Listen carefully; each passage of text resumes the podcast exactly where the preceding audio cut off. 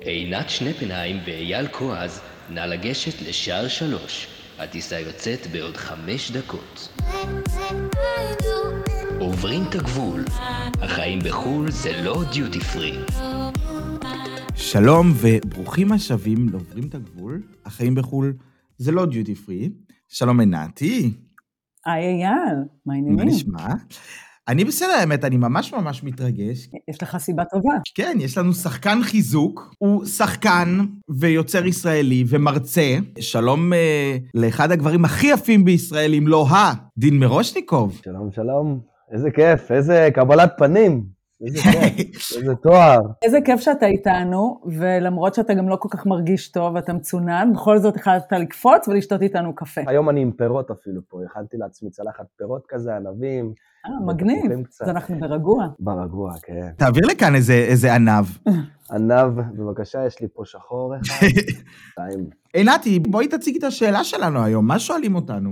יש לנו שאלה אה, שמעלה הרבה אמוציות. אה, אני חייבת אה, רגע לעשות הכנה קלה, שבכל פעם שאנחנו העלינו את הנושא הזה בשבוע, שבועיים האחרונים, קלטנו שאנחנו גורמים לסערת אה, רוחות מסביבנו, לא משנה עם איזה חברים אנחנו ישבנו, מסתבר שיש הרבה רגשות וסערות בתוך הנושא הזה.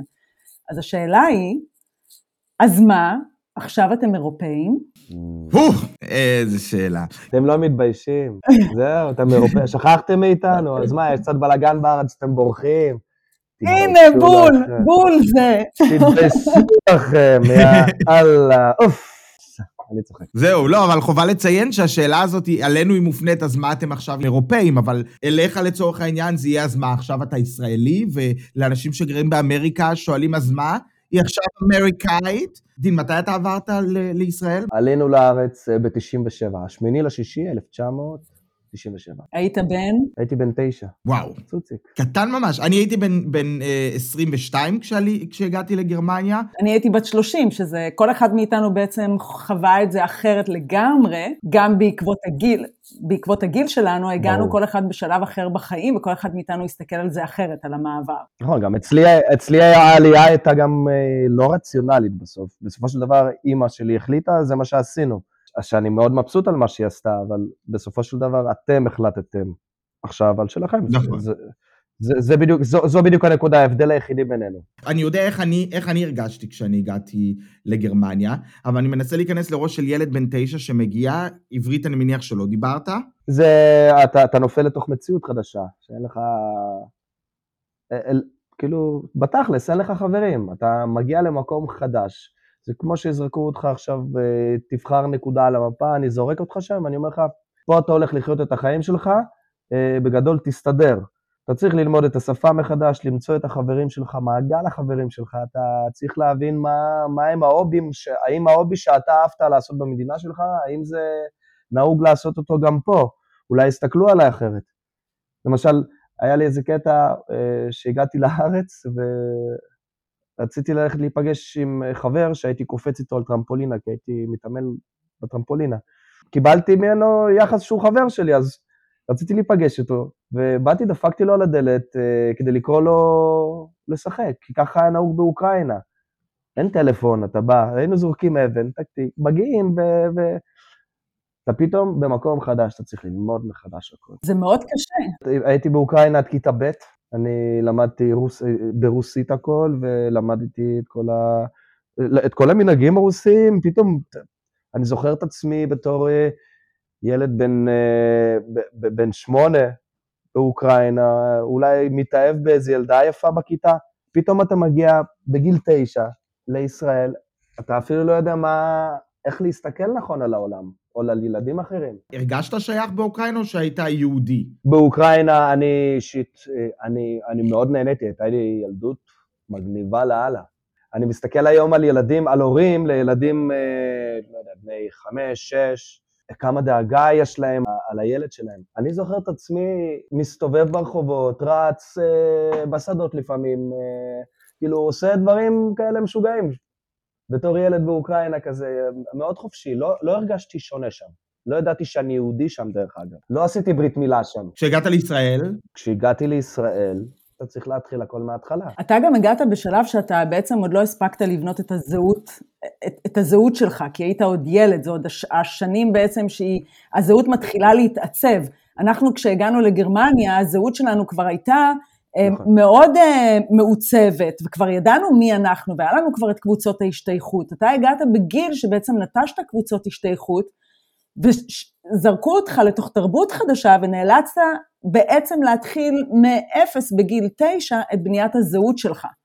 ומשהו קרה לך אבל בגיל יותר בוגר של החיים שלך, שאתה בעצם, אם אייל הזכיר קודם שאתה מרצה, אז אני אגיד למאזינים שאתה מסתובב בארץ ויש לך הרצאה על זהות ישראלית והגשמה עצמית, אה, ובהרצאה הזאת אני הקשבתי לה ביוטיוב והיא מאוד מאוד מעניינת. אתה בעצם מדבר על הזהות שלך גם דרך השם שלך. נכון. לשם יש איזושהי משמעות לפעמים כשמסתכלים בגדול, אתה בא לרומא, תהיה רומאי, כמו שאומרים. בוא תתחיל להיות חלק מהעניין. ובתור ילד, אה, ש... כשעלינו לישראל, עברנו לרעננה, לא, לא היו לי חברים שהם דוברי רוסית. היה איזה מישהו בהתחלה אחד, ופשוט לא הסתדרנו, ואני באמת קפצתי לתוך המים העמוקים של, של הצבריות, ממש. אני תמיד אומר, גדלתי עם תימנים. אני, כל החברים שלי תימנים ברעננה, אני, אני, כאילו גדלתי, האופי והצחוקים והכל היה לי, היה לי איתם. אבל מאוד הפריע לי, כשהיו שואלים אותי איך קוראים לי, הייתי אומר דימה, אז השאלה הראשונה, יואו, אתה לא נראה רוסי, או האמרה הזאת, מה? אתה לא נראה רוסי. וזה הטריף, זה, זה, זה, זה הטריף אותי, זה כאילו, זה כאילו אומרים לי על משהו שאני לא שולט בו, אתה, וואי, אתה לא נראה חרא. אני יכול לקחת את זה על אותו משקל של, של אותו משפט, כאילו, כן? אני מאוד התביישתי בזה. ובגיל 16 אני, אני החלטתי שאני משנה את השם שלי, אני ניסיתי כל מיני וריאציות עם חברים ופה ושם, ובסוף הגעתי איכשהו לשם מאוד מאוד מיוחד, דין מרטין, זה היה השם שלי, כן, דין מרטין. שם, תשמע, אני, אני הייתי רואה כל, כל סרט וכל אה, זה, דין מרטין נשמע אפילו קצת פורנו, הייתי כן, אומר. כן, קצת, קצת הרבה, כן. אה, וזה כל כך לא ישראלי, כל כך רציתי נכון. להיות ישראלי, שהפכתי לאמריקאי שהוא איטלקי בכלל. זה כאילו הערבוביה הזאת. איך הגעת לשם הזה? באותה תקופה התחלתי לדגמן קצת בסוכנות שקוראים לה HH Models. והמנכ"ל של הסוכנות, חן מסיקה, שהוא היה אז, כזה ישבנו, דיברנו, וזה אומר, וואלה, כן, שם מגניב, ויש גם אה, בחור בשם צביקה, שדרך אגב, אני עושה עליו עכשיו uh, סרט דוקו, זה הסרט דוקו הראשון שאני עכשיו uh, מפיק בשנתיים האחרונות, וצביקה היה כמו אבא שלי כזה פה בישראל, וישבנו בסוכנות שם אצל חן, ו... וזהו, ואז כזה דין, דין, מגניב, ואז פתאום צביקה זרק, דין מרטין, בום, וואי, אני אמרתי, איזה שם מגניב זה, איזה קול, כן, כולם יאהבו את זה, שם במה. תוך כמה ימים אה, יש את זה בכתבות בעיתונים, דין מרטין, אחרי שבוע בערך אני הולך ואני עושה את השינוי הזה בתעודת זהות. כי פתאום אומרים דין מרטין, דין מרטין, ואז אני מגיע ל... לאיזה מסיבה בלכת או ברוץ, שם באזור השרון מפעם, ואז כזה אני מראה את התעודת זהות, כתוב דמיטרי מירושניקוב. אז כאילו זה שיחק לי במוח הדבר הזה. אני הכנסתי את עצמי לתוך איזשהו סרט כדי להרגיש להיות שייך. וזה, ו, ו, ובהרצאה אני באמת מספר איך דרך התעתוע של השם הזה אני בסופו של דבר מגיע לאני שלי, וכמה זה חשוב להגיע לדבר הזה. זה לא משנה איפה אתם גרים, ומה יגידו לכם, אה, אתם אירופאים, מה אתם... זה מה אתם מרגישים בסוף. כל אחד מכם יש לו את הסיבות שלו למה הוא הגיע לפה. הסיבה שלי זה שאימא שלי בחרה בשבילנו ועשתה החלטה מעולה. כי וואלה, בפעם הראשונה שאמרתי לאימא שלי מכל הלב תודה אמיתית, זה היה כשהמלחמה התחילה באוקראינה. אימא שלי כאילו אמרה, אני רוצה עתיד טוב יותר לילדים שלי. והיא עשתה הכל בשביל זה, היא זרקה שם את הכל, והיא בנתה פה בית, והיא... ו- ו- ושני ילדים, הכל לבד. כל הכבוד לאימא שלך. היה משפט שאתה אמרת, שככה קצת צבט לי בלב, כי מאוד התחברתי למה שאתה אמרת. אתה אמרת, כל פעם שהיו שואלים אותי איך קוראים לי, אז הייתי מתבייש והייתי צריך להגיד אה, דימה, ואז היו אומרים לי, מה, אתה לא נראה רוסי. ושזה משהו שהיה לך נורא נורא כן. קשה להתמודד איתו. ואני חושבת על השם משפחה שלי, שבעצם על השם משפחה אנחנו החלטנו, אה, אני וארנו, אה, מטעמים מאוד פרקטיים וטכניים לחלוטין, זאת אומרת, השם משפחה שלי, ילדות, זה עובדיה, והשם משפחה של ארנו זה שנפנהיים, ואמרנו, אוקיי, אם אני עוברת לגרמניה, אני אקח את השם שלו, כי פשוט יהיה לנו יותר קל להסתדר מבחינת מסמכים, מבחינת uh, המשרדים למיניהם, אם ייוולדו ילדים, אבל לא לקחתי בחשבון מה השם הזה יעשה איתי. ואני רוצה להגיד לך שכשאני מגיעה לישראל ואני אומרת uh, ש... בטלפון, שמי עינת שנפנהיים, ואני מגיעה, תמיד יש איזושהי תגובה ראשונית ש... אבל את תימניה, מה זה השם הגרמני הזה? ההורים שלך אישרו לך את השם הזה? או וואי, אשכרה ציפיתי לאיזה צנונית שתגיע עכשיו. יש כל מיני יציאות כאלה, ומצד שני, בגרמניה יש את תרבות השתיקה, אז אם אני מזמינה תור, לא משנה לאן, ואני אה, יושבת בחדר המתנה וקוראים עינת שנפנהיים, אף פעם לא הסתכלו עליי, תמיד מסתכלים על הגרמניות שיושבות בחדר, ואז כשאני מתרוממת, יש תמיד את המבט בעיניים המופתע הזה של, אוי, אתה בן אדם האחרון שציפיתי עכשיו שיענה לשם שנפנהיים, גברת שנפנהיים. זה באמת ככה, אני, אני, תראי, אני לא היה לי אף פעם בעיה עם השם הפרטי שלי, עם אייל לא היה לי בעיה. אייל זה שם ישראלי נפוץ, אני מניח שכמו דימיטרי אה, באוקראינה, וכשאני הגעתי לגרמניה בגיל 21, כבר לא ילד, אבל גם כבר לא מבוגר, זאת אומרת, רוב החיים הבוגרים שלי אני גר פה, קודם כל פתאום השם שלי נהיה oriental-י. שלהגיד אייל oriental, כאילו זה לא... אה? אני כל פעם צריך להסביר. עכשיו היינו בקרנבל במסיבה, ועוד פעם היה לי זה, שואל, איך קוראים לך אייל? עוד פעם, איך אייל? הנושא של השם הוא משהו שכאילו, שעושים רילוקיישן לא חושבים עליו. אצלך אבל אתה שינית דווקא לא בגלל השם הפרטי, אתה שינית את השם משפחה שלך, כי היו לך קשיים להתמודד עם השם משפחה פה. השם משפחה של רובן הוא וגנר, והחלטנו לא לקחת שם משותף, כי התחתנו בגיל מאוד צעיר. השם משפחה שלי בישראל היה זיו קואז, היו לי שתי שמות משפחה. וכשהגעתי לגרמניה, הבעיה היא שבגרמנית, Z נשמעת צט. ואז מאייל זיו קואז הפכתי לאייל ציף קואץ. והגרמנים לא ידעו איך להגיד את זה, וזה היה מורכב, וכל פעם התחילו, התחילו לצייץ לי, כל פעם שישבתי שמעתי, ציף קואץ. אז אמרתי, זה לא יכול להיות, אה, והחלטתי להוריד את השם זיו מהשם משפחה, כדי שיהיה לי שם יותר קצר, ושהם יוכלו לדבר עליו, שהם יוכלו להגיד את השם בצורה יותר קצרה, מה שזה קטע, כי בארץ אולי היה לי יותר פשוט עם זיו. אבל זה בדיוק מתחבר למה שאמרתי בהתחלה. ברומא תהיה רומאי. לא משנה לאן תגיע, כולנו, לא משנה לאיזה מדינה נגיע, אם אנחנו לא נשחק בקודים של אותה המדינה, הקודים שלהם, שזה יכול להיות האותיות שלהם, הצליל הזה, אז תמיד זה יהיה, מה, מה, מה אתה קשור? זה תמיד תהיה התגובה הראשונה שתהיה. ברור. זה, זה אפילו משהו שהוא טבעי. וגם מעבר לזה, אני נגיד, בסוף ההרצאה שלי, אני, אני מספר משהו שקורה לי באמיתי. כשמישהו מתחיל איתי שיחה ברוסית עכשיו, אני מציג את עצמי בתור דימה. היום אתה מציג את עצמך בתור דימה, אבל אז כשאתה החלפת בגיל 16 לשם שלך דין מרטין, הרגשת כן. שהשם הזה עוזר לך מבחינה חברתית, שהוא פותח לך דלתות. נגיד, אני מרגישה שהשם שלי שנפנהיים פה בגרמניה, הוא עוזר לי. אין ספק ברור. שהוא פותח לי דלתות, אין ספק שהוא עושה לי את החיים הרבה יותר קלים. בתור ילד עשיתי את זה מטעמים שהם חברתיים, אז זה גרם לי לשקר. למשל, הייתי מגיע לאודישן, היה שואל אותי, דין מרטין, באמת? ככה? כן. כשסיימתי מסלול בשייטת 13, אהוד ברק בא לחשוף לי את הכנפיים, אז uh, הוא היה שר הביטחון באותה תקופה, הוא בא, אני אגש אליו, חייל, מה השם? אני עושה לו, כבוד השר, דין מרטין, אני מצדיע, אני עומד, עושה, באמת, באמת דין מרטין, אני אומר לו, כן. יש לי את התמונה שהוא עומד ככה עם הידיים, כן, שזה, אנחנו ממש מצולמים, שזה, שזה אמיתי. הוא, הוא היה בהלם. מבינה, כאילו, שיקרתי. אבל לא הרגשת דין מרטין, זה לא משהו שהתחברת אליו. אף פעם לא הרגשתי, לא, אף פעם לא. דין מרטין זה משהו ש... אני, אני לא מבין אפילו איך הגעתי, איך הסכמתי לדבר כזה, ו... אבל כן, כנראה שהייתי כל כך נואש ש... שאני עפתי על זה. שהייתי מגיע לאודישנים והייתי אומר לדין מרטין, וראיתי שאנשים לא מאמינים לי, אבל כאילו אמרתי, אני זה... סוג של ביטחון עצמי. השאלה, מה המחיר, מה, מה, מה, מה המחיר שאתה רוצה לשלם על הדבר הזה, ומה המניעים שלך בכלל? אימא שלי, אני הסתרתי ממנה שהחלפתי את השם בתעודת זהות כי התביישתי. וואו. הייתי, הסתרתי את הדבר הזה. וזה וואו. שבסוף מסלול היא קיבלה תעודה והיה כתוב עליה דין מרטין והייתי צריך לתקן אותה אחרי זה, שזה בושה, כאילו, זה, זה לפדח את אימא שלך ואת המשפחה שלך. אני חושב שאתה מגיע למדינה זרה, אתה רוצה מאוד להיות שייך. זה הנושא שאנחנו מדברים עליו, הרי השאלה היא, אז מה, עכשיו אתם אירופאים? עכשיו, אני מרגיש, אני בשיחות שאני מדבר עם עינת ועם חברים, אני מגדיר את עצמי ככה, אני ישראלי, אני יהודי, ואני אני גם גרמני. אז, אז, למה, אז למה שלא תגיד שאתה גרמני, שנולד בישראל, ציוני, יהודי? יש בי משהו גרמני, אבל אני גם ישראלי. ואני אגיד לך מה אני. אני ישראלי שנולד באוקראינה, יהודי.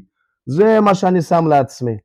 זה, זה הדרג שאני רוצה להסתכל על בני אדם, לפחות פה בישראל. שאם מישהו נולד עכשיו, לא יודע, בתימן, או לא יודע, אבל הוא פה בישראל, אני קודם כל רוצה לדעת שהוא ישראלי, כאילו, אנחנו מדברים באותם קודים.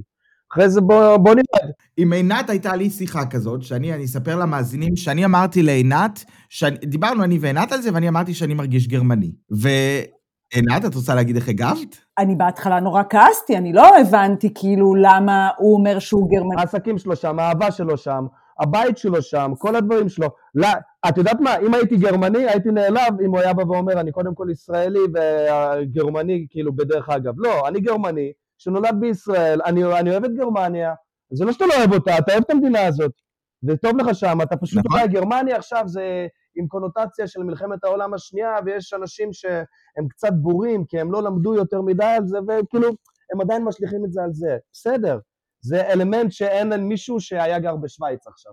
אני מבין אתכם. נכון. סבבה. אבל בכל זאת שבארץ יש את הביקורת, אני רוצה לדבר על זה שבארץ יש קטע כזה, שאם מישהו מגיע ממדינה אחרת לישראל, כולם מאוד רוצים שהוא יהפוך להיות ישראלי. ההורים של אבא שלי הגיעו מעיראק לישראל, הם ישראלים. הם עשו עלייה, והם ישראלים לכל דבר ועניין. גם מהצד השני של המשפחה שלי הם עלו לישראל, והם, והם כולם ישראלים. ויש קטע בישראל שאם אני אומר שאני, שאני מרגיש גרמני לישראלים, או שאני מרגיש... אז שופטים אותי.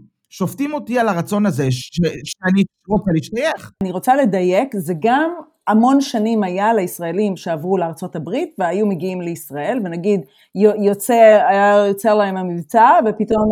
יש לנו פצע יהודי מאוד מאוד עמוק ממלחמת העולם השנייה, ו- ומכל מה שקרה שם. סבתא שלי, סבא שלי שרדו את השואה, וכן, אני, אני אגיד לכם משהו אחר, סבתא שלי רצתה לגור בגרמניה, לא בישראל. דוד שלי גר בגרמניה. הייתה לנו בחירה או לעלות לישראל או להגיע לגרמניה. סבתא שלי רצתה גרמניה, סבא שלי רצה ישראל. אוקיי? סבא שלי, אם היית אומר לו גרמניה, שאתה גר בגרמניה, אז הוא היה כועס עליך, כי אבא שלו נלחם במלחמה. סבבה, זה איזשהו פצע שאנחנו, הוא, הוא עוד מתאחה. זה נכון מה שאתה אומר, אבל זה גם אותו דבר קורה לישראלים, מה שהתחלתי להגיד קודם, לישראלים שעוברים הברית ואומרים, אני אמריקאי.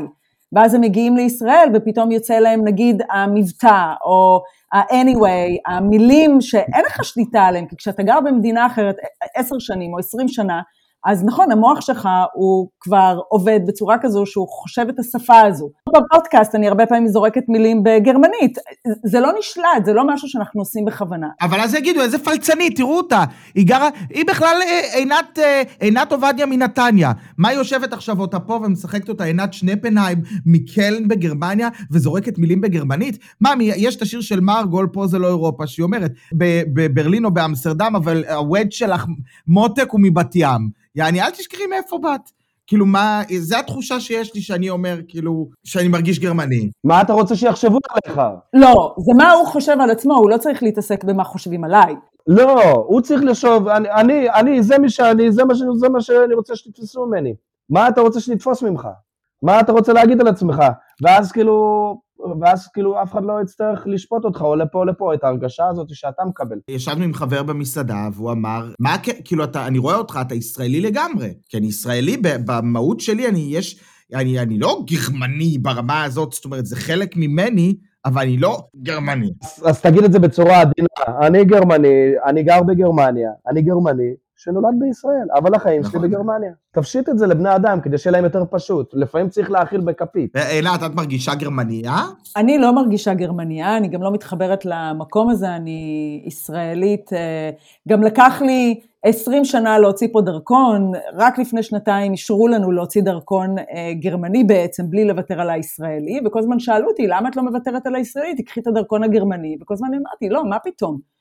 אני לא מוותרת על הזהות הישראלית שלי, ואני לא אוותר על הדרכון הישראלי שלי בשביל מסמך אה, גרמני, כי אני לא גרמניה, וגם היום אחרי 20 שנה, נכון, יש פעמים שאני אומרת, התגרמנתי, כי לקחתי על עצמי איזה שהם נימוסים והליכות מהם, או למדתי כל מיני דברים מהגרמנים, ואני מתנהגת כמו גרמניה, כי כמו שאתה אמרת, דין, ברומא תהיה רומאי.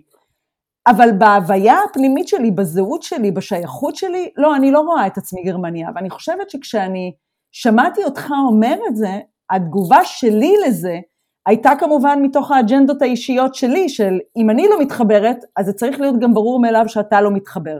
ונכון, אחרי השיחה שאני ואתה עשינו ביחד, אייל, אתה ואני, הבנתי שבעצם, רגע, למה? למה אסור לו להרגיש גרמני? זאת אומרת, זה דברים ששאלתי את עצמי, למה אסור לו? למה זה ברור לי מאליו שמי שעובר לישראל מותר לו להרגיש ישראלי, אבל מי שיוצא מישראל ועובר למדינות אחרות, אסור לו להיות. אני זוכרת גם אפילו פעם אחת שצחקתי עליך, ואמרתי לך, יואו, איך אתה מנסה להיות גרמני? אתה אפילו מדבר עם המבטא. ואז אני חושבת על דין, שמגיע לישראל ומשנה את השם שלו כדי להרגיש שייך, ואולי אפילו, אני לא יודעת, תגיד לי אם אני טועה, דין, נאלצת לוותר על המבטא שהיה לך, אני בטוחה שהיה לך מבטא רוסי שוויתרת עליו. בטח. אז בטח. זה כמו שאתה מוותר על המבטא שלך, אייל יוצר לעצמו מבטא גרמני, כדי שכשהוא מדבר בגרמנית הוא יישמע יותר גרמני. ואז אני אומרת, נכון, ואז מדהים. אני אומרת לעצמי, שאפו, ואז אני אומרת, שאפו, אבל נכון שבהתחלה כשהנושא הזה עלה, אין יותר מגניב מלראות ישראלי שהופך להיות גרמני, אבל את, את יודעת מה? הופך להיות כאילו כמוהם, אתה יכול להגיד, בואנה, איזה גרמני הוא נהיה, כאילו, איזה מגניב זה. כי הוא לוקח את זה עד הסוף. מצד אחד. יש משהו באנשים שהם לוקחים עד הסוף, יש בזה משהו מרגש. ולדעתי, מה שיאללה מנסה לעשות עכשיו, זה באמת ללכת לשם עד הסוף, להיות שלם עם עצמו. מישהי כמו עינת לא תבוא ותגיד לך, הוא עושה את עצמו כי אני מכירה אותו ככה. כשתגיע לרמה כזאת היא מאוד מאוד גבוהה, שאתה תרגיש עם עצמך כבר כל כך שלם. ראיתי את עצמי בסיפור של דין, שאתה הגעת ובהתחלה ניסית להיות חבר של החברים כאילו שמדברים רוסית, כי דיברת רוסית, אבל היו לך בסוף רק חברים תימנים.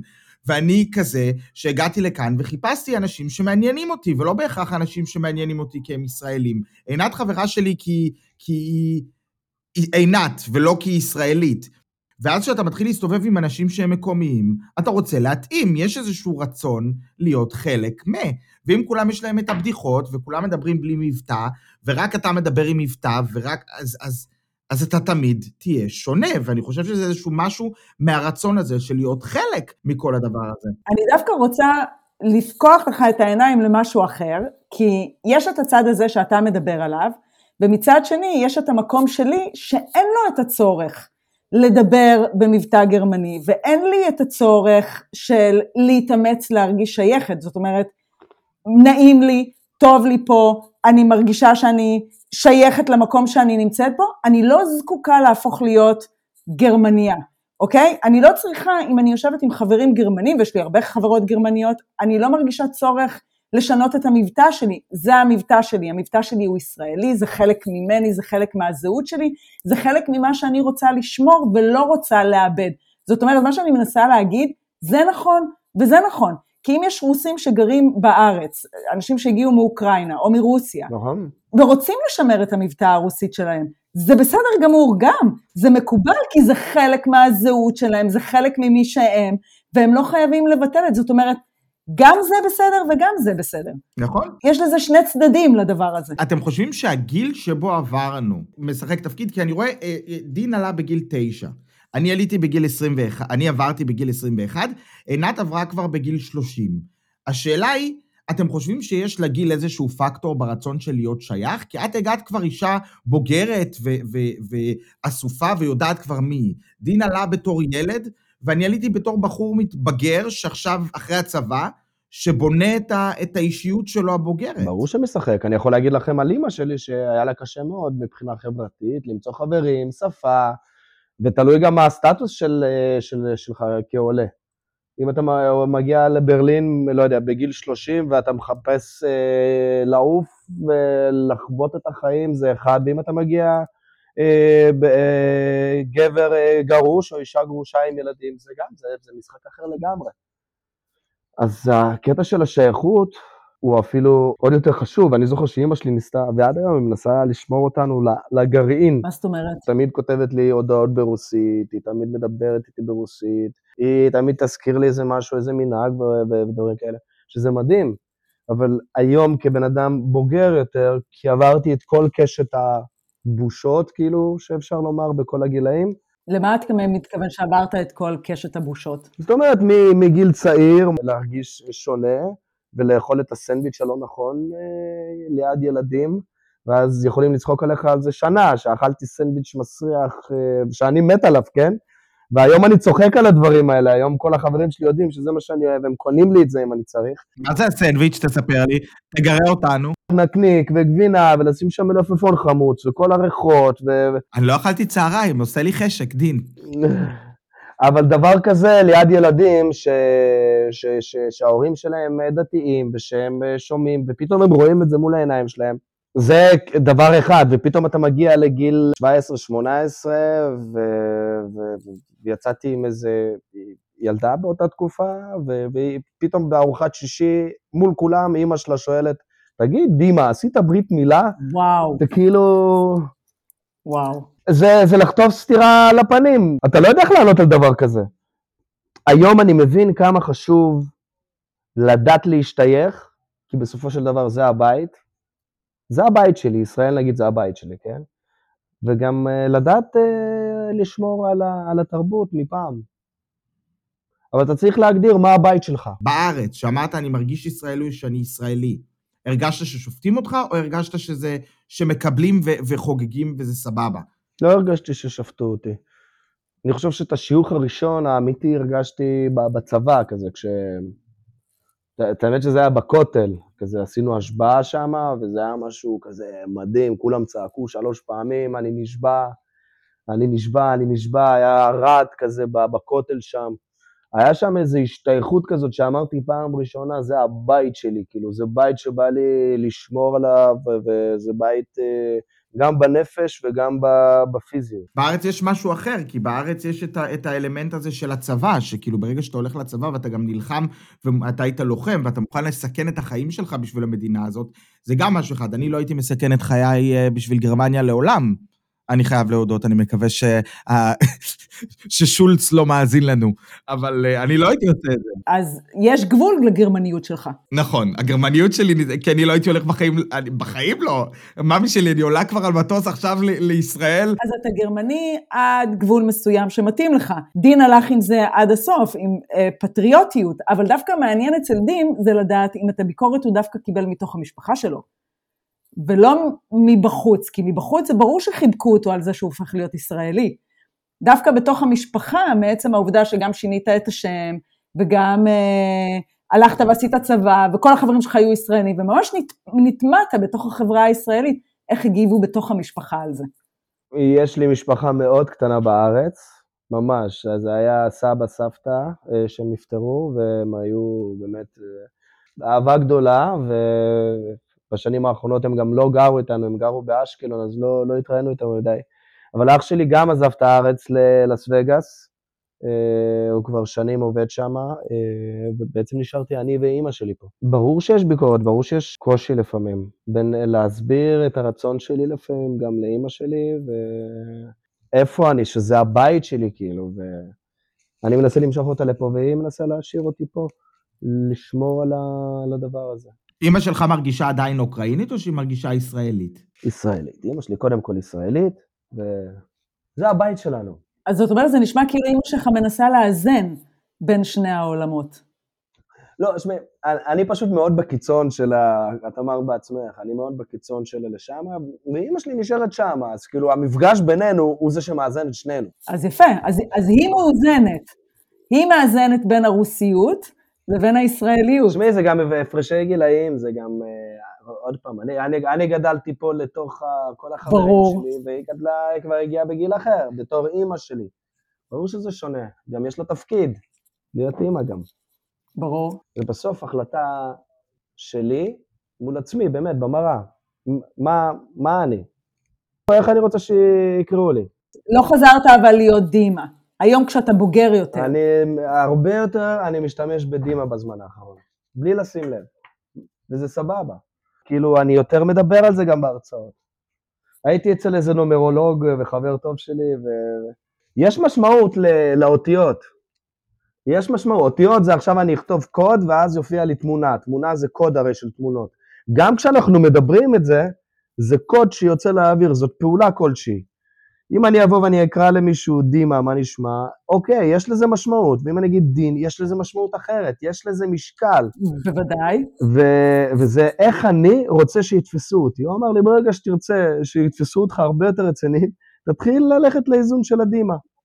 יש בזה המון, אני חושב על זה המון, ואני מנסה לאזן ביניהם. זה עניין גם של השלמה עם השם בעצם שנולדת איתו, וזה השם שמסמל את הזהות השנייה שלך. כן. שאיתה בעצם הגעת לישראל. זה סוג של אני, אני משלים עם המקום הזה. נכון. אם אני שלם, ואני לא מתבייש בו, וטוב לי, אז אני יכול להיות דימה. מעניין אותי דווקא לדעת איך, איך אתה עושה עכשיו את הסיבוב הזה. מה אתה אומר בהרצאות שלך? מה אתה מספר? למה בעצם אתה מחליט ללכת לכיוון דימה? וזה, אתם תצטרכו להגיע לארץ ולצפות בהרצאה שלי, או להזמין אותה. אני אשמח מאוד שתוסיפו פה טלפון להרצאה יפה. של דימי רושניקוב. אני אשמח להגיד גרמניה על איזה קהילה גרמנית ככה להתארח, ובאמת, אולי נעשה איזה משהו מעניין. בואו נדבר. יאללה. יאללה, תראי, עינת, אז עשית, עשית לדין פרומו. גם עשיתי לו פרומו, וזה גם נורא מעניין, זה נושא שהוא נורא מעניין, כי בן כמה אתה עכשיו, דין? 34. אתה בן 34, כבר בנית לעצמך זהות, אתה גם נשוי, זאת אומרת שגם בנית זהות בתוך נישואים. זה נורא מעניין לראות איך את, את המסלול שאתה עשית, מהרגע שהגעת לישראל, שינית את השם שלך, ואיך היום, בגיל 34, כשאתה כבר בן אדם בוגר, איך אתה חוזר חזרה לשם בעצם שאיתו הגעת. אז אני חושבת שזה מאוד מרתק ומעניין. את זה נגלה בסוף ההרצאה. אז לכל המאזינים שלנו, אה, כן, אם, אם אתם גרים בארץ, אז רוצו עכשיו ל, להרצאה של דין, ואם אתם בעולם, אז אה, תזמינו אותו. אני ואלנת, אה, כשנגיע לבקר בארץ, נלך ב... במאה אחוז, או שנטיס את דין אלינו, אלינו, עינת, מה את אומרת? בטח. אז לסיכום אני רק אשאל, אז מה, אז אנחנו עכשיו אירופאים? אז אני יכול להגיד שאני אירופאי. אתה יכול להגיד מה שאתה רוצה, ואני חושבת שאנחנו יכולים להיות מה שבא לנו, ויש ימים שאני ישראלית, ויש ימים שאני יותר מתנהגת כגרמניה, ויש ימים שאני שום דבר משני הדברים האלה. ונראה לי, באופן כללי, ברוב הזמן, אנחנו מה שאנחנו, ומה שאנחנו בוחרים להיות, ועם מה שאנחנו רוצים שיהיה לנו נוח ונעים. ותכבו את הרעשים ואת הקולות רקע של אנשים מבחוץ שמותחים ביקורת ושופטים אותנו, וזה ממש לא מעניין. ווואלה, אם יוצאות מילים בגרמנית או באנגלית, שיקפצו לכם. זה מה יש, אלה החיים זה מה שלכם. יש.